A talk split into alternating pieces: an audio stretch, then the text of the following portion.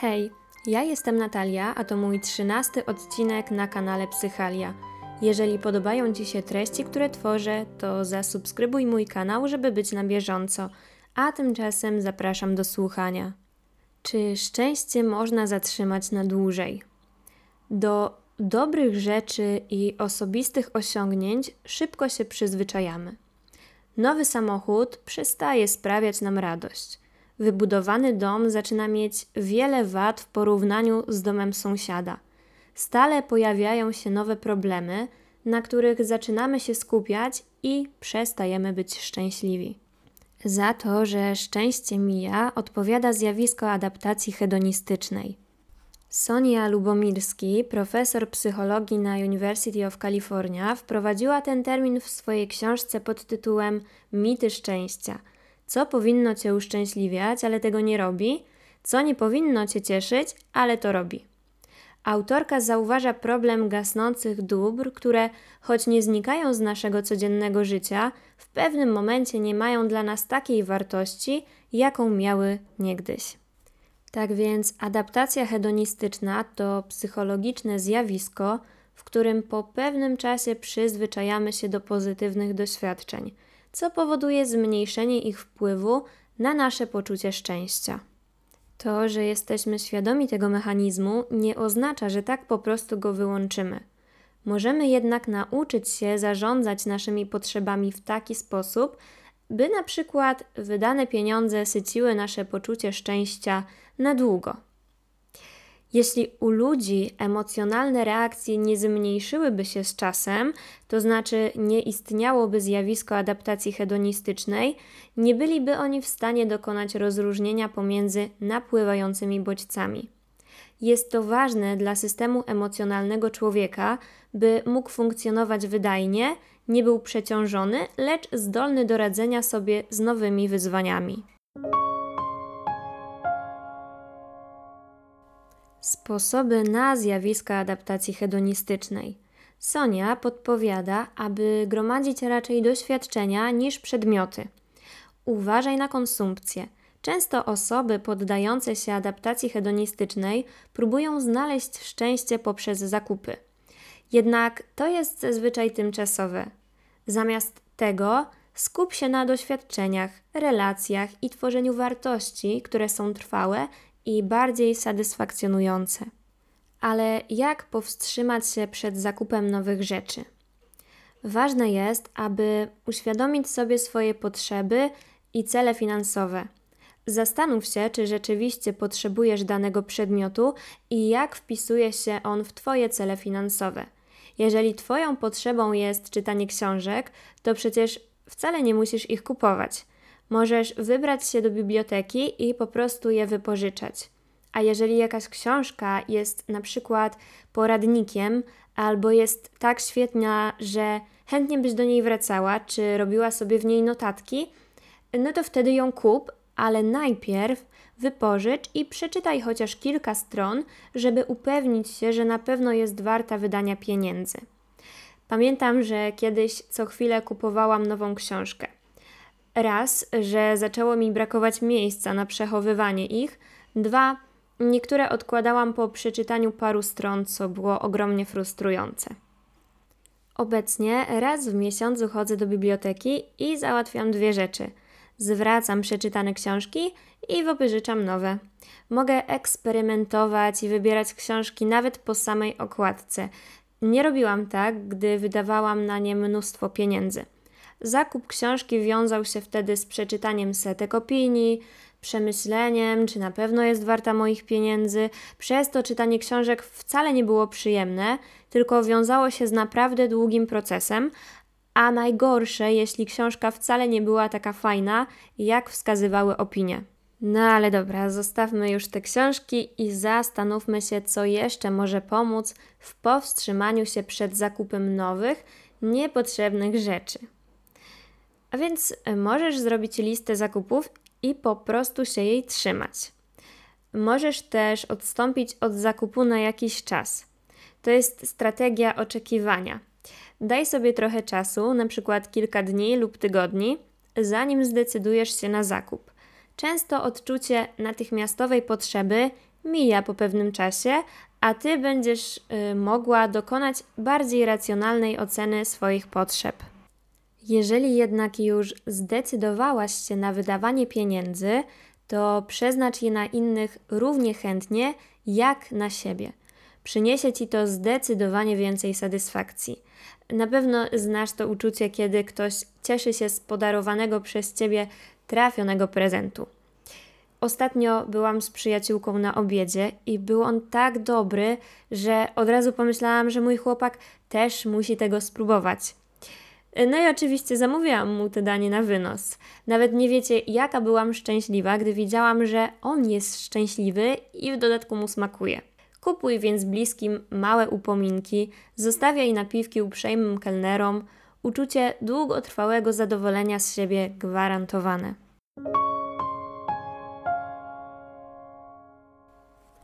Aby pokonać zjawisko adaptacji hedonistycznej, warto doceniać chwile obecne. Wiele razy miałam tak, że siedziałam wieczorem w domu z bliskimi, oglądaliśmy jakiś film, a ja zamiast skupić się na teraźniejszości, wybiegałam w przyszłość i skupiałam całą swoją uwagę na jutrzejszym dniu, przez co byłam zestresowana, bo mimo iż miałam zaplanowany kolejny dzień, to jeszcze zastanawiałam się, co może mnie spotkać. Wyobrażałam sobie niestworzone scenariusze, no i przez to niepotrzebnie się nakręcałam. No właśnie, i po co? Zazwyczaj wydarzenia, które sobie wyobrażałam, nigdy się nie wydarzyły. Teraz, gdy spędzam czas z bliskimi, skupiam się na tym, jakie w ogóle mam szczęście, że nie spędzam tych wieczorów sama. Jakie mam szczęście, że mam z kim dzielić chwilę swojego życia. I Tobie życzę tego samego, żebyś usiadła, spojrzała na twarze bliskich i po prostu się uśmiechnęła i poczuła tą wewnętrzną wdzięczność za obecną chwilę. Jeśli masz tak jak ja z przeszłości i non-stop myślisz, to spróbuj medytacji. Albo w codziennych czynnościach, takich jak jedzenie czy picie, skupiaj się na smaku, na spacerze zwracaj uwagę na otoczenie, choć bez słuchawek i telefonu, bądź po prostu sama ze sobą. A gdy przychodzi wieczór, który spędzasz na przykład z partnerem, odłóż telefon do innego pokoju. Skup się na drugiej osobie, daj jej swoją uwagę. Poświęć 100% uważności na czynność, którą aktualnie wykonujesz. Nie rozpraszaj się. Nie rób milion rzeczy naraz, a jak jakaś myśl zaprząta ci głowę, to ją zapisz. Wtedy nie ucieknie i będziesz mogła w dowolnej chwili do niej wrócić. W pełni angażuj się w wykonywaną czynność. Po prostu zwolnij. Daj sobie czas na odpoczynek. Przysłuży się to i Tobie, i Twoim bliskim, bowiem w czasie spędzanym z rodziną i przyjaciółmi będziesz w pełni obecna. Ty i Twoje myśli. Zaczniesz słuchać bliskich, a nie mechanicznie potakiwać głową. Pamiętaj, że relaks sprzyja kreatywności. Gdy ciągle jesteś myślami w przyszłości, to nie masz kiedy odpocząć. Cały czas kalkulujesz, planujesz, wymyślasz. Super, ale do pewnego czasu. Doskonale zdajesz sobie sprawę, że nie wymyślisz nic wartościowego, będąc zmęczona. Nie chcę nawet myśleć o uczuciu, które towarzyszy, gdy śpisz 3 godziny i musisz zrobić coś, co angażuje umysł. Jest ci niedobrze, jesteś rozdrażniona, a bez wykałaczek w oczach nie utrzymasz powiek. Dbaj o siebie, a na pewno na tym skorzystasz. Zjawisko adaptacji hedonistycznej może nas złapać, gdy robimy przez dłuższy czas jakąś czynność. Może być to nawet hobby, które jeszcze tydzień temu sprawiało nam ogromną radość. W takiej sytuacji możesz przestać wykonywać daną czynność przez jakiś czas. Zobaczysz, że jak zatęsknisz, to radość z niej momentalnie wróci. Każdy czasem ma odczucie zmęczenia, potrzebuje czegoś nowego, ale nie oznacza to, że od razu masz porzuca porzucać swoją pasję. Odczekaj i jeżeli to Twoja prawdziwa pasja, na pewno poczujesz potrzebę, aby do niej wrócić. Jeżeli nie możesz przestać wykonywać swojego hobby z różnych powodów, to wypróbuj inne jego odmiany. Może jeździsz konno i na każdych zajęciach ćwiczysz ujeżdżanie. Spróbuj skoków przez przeszkody. Może tańczysz hip-hop przerzuć się na inny styl tańca. Poszukaj nowych wyzwań i możliwości, które mogą przywrócić świeżość i pasję. Może być też tak, że robisz coś zbyt intensywnie lub zbyt często. Chodzisz na siłownię 7 razy w tygodniu i po prostu masz dość. Radość z treningów zniknęła. Regeneracja jest równie ważna jak sam trening. Bez tego ani nie będziesz czuła się lepiej, ani nie będziesz lepiej wyglądać. Finalnie możesz się najzwyczajniej przetrenować. Jak już do tego dojdzie, odpuść albo zmniejsz zdecydowanie intensywność treningów, plus pamiętaj o dobrej jakości śnie. Praktykowanie wdzięczności bardzo przyczynia się do zachowania szczęścia na dłużej. Codzienne wyrażanie wdzięczności za to, co masz, może pomóc w przeciwdziałaniu adaptacji hedonistycznej. Zastanów się nad tym, za co jesteś wdzięczna i zapisuj te rzeczy w dzienniku wdzięczności. Pozwoli ci to zwracać uwagę na dobro w swoim życiu, nawet jeśli już się do niego przyzwyczaiłaś. Niedawno pisałam z przyjaciółką o gotowaniu.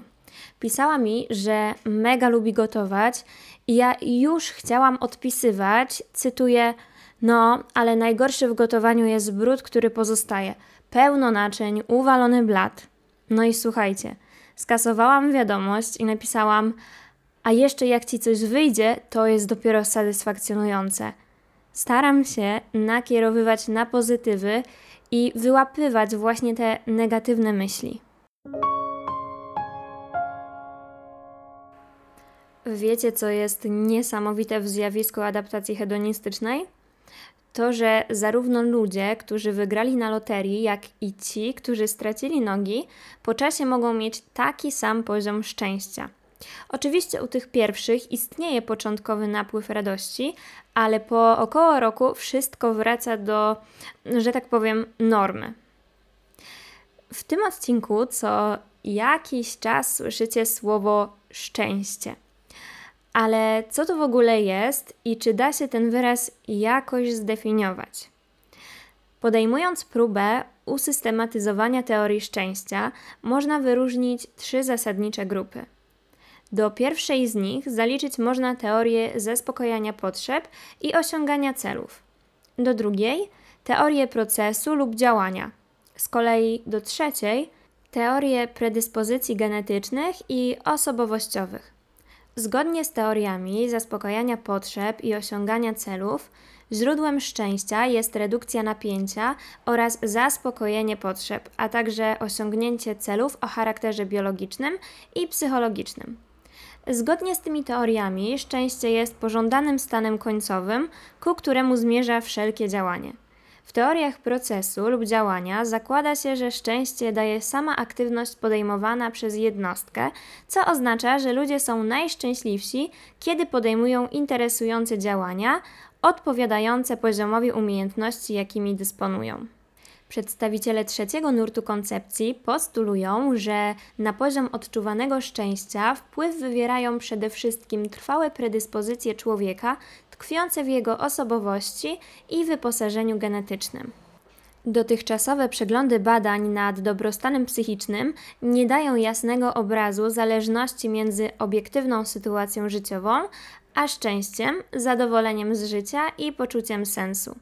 Nie wyjaśniają jednoznacznie, czy to szczęście sprzyja powodzeniu, czy też powodzenie życiowe jest źródłem poczucia szczęścia, pozostawiając nadal bez odpowiedzi fundamentalne pytanie: czy szczęśliwi mają szczęście, czy też ci, którym się poszczęściło, są szczęśliwi.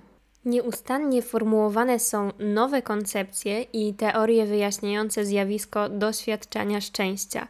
Jedną z bardziej oryginalnych koncepcji szczęścia stworzył Mihai Csikszentmihalyi i nazwał ją koncepcją Flow Experience, określoną też mianem koncepcji przepływu, czyli koncepcji zaangażowania.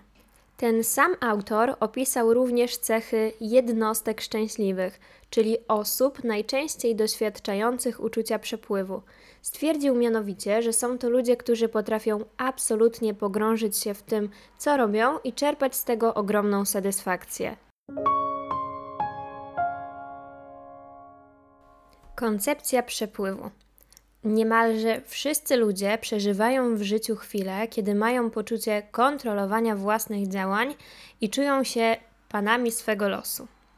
Są to momenty rzadko występujące, ale pozwalają one odczuwać swoiste uniesienie, głębokie zadowolenie, które jednostka przechowuje przez długi czas i które w jej pamięci staje się wyznacznikiem jakości jej życia. Tego rodzaju uczucie Csikszentmihalyi nazwał optymalnym doświadczeniem, które daje człowiekowi poczucie panowania, a nawet świadomość uczestnictwa w decydowaniu o treści własnego życia, co też jest najbliższe szczęściu w jego konwencjonalnym rozumieniu.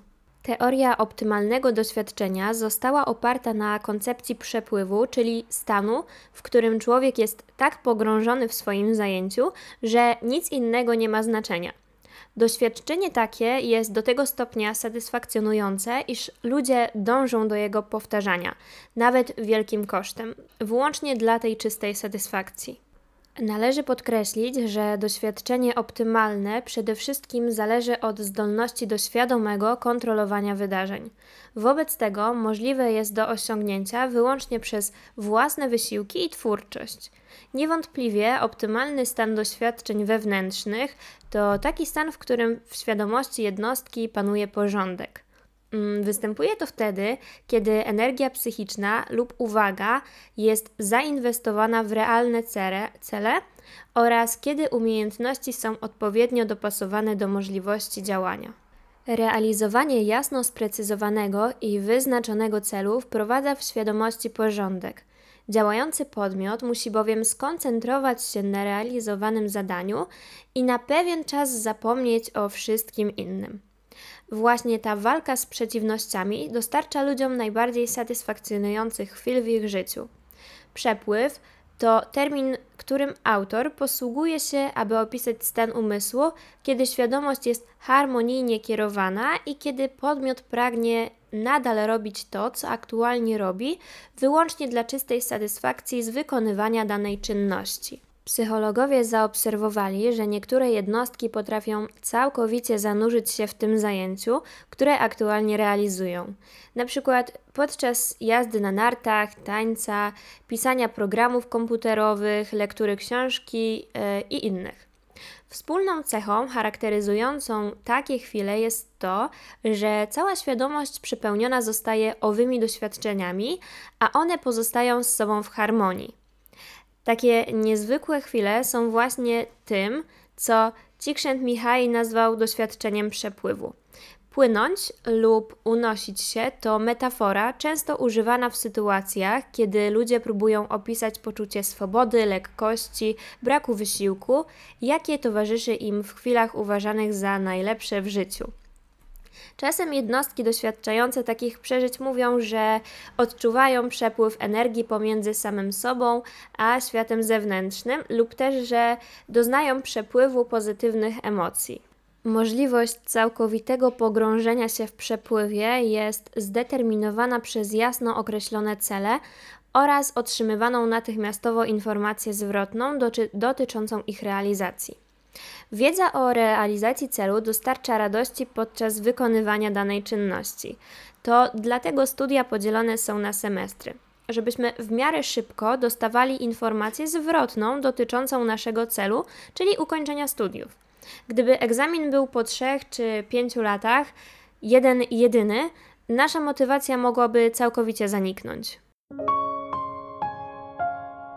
Bardzo dziękuję za odsłuchanie. Dajcie znać, czy odcinek się Wam podobał. Zapraszam Was również na mojego Instagrama natalia.n, do którego link znajdziecie w opisie. Chciałabym Was również poinformować, że założyłam swoją stronę internetową psychalia.pl, na której znajdziecie wpisy dotyczące samorozwoju, psychologii, takie uzupełnienie do podcastu. Życzę Wam miłego dnia i jeszcze raz bardzo dziękuję za odsłuchanie.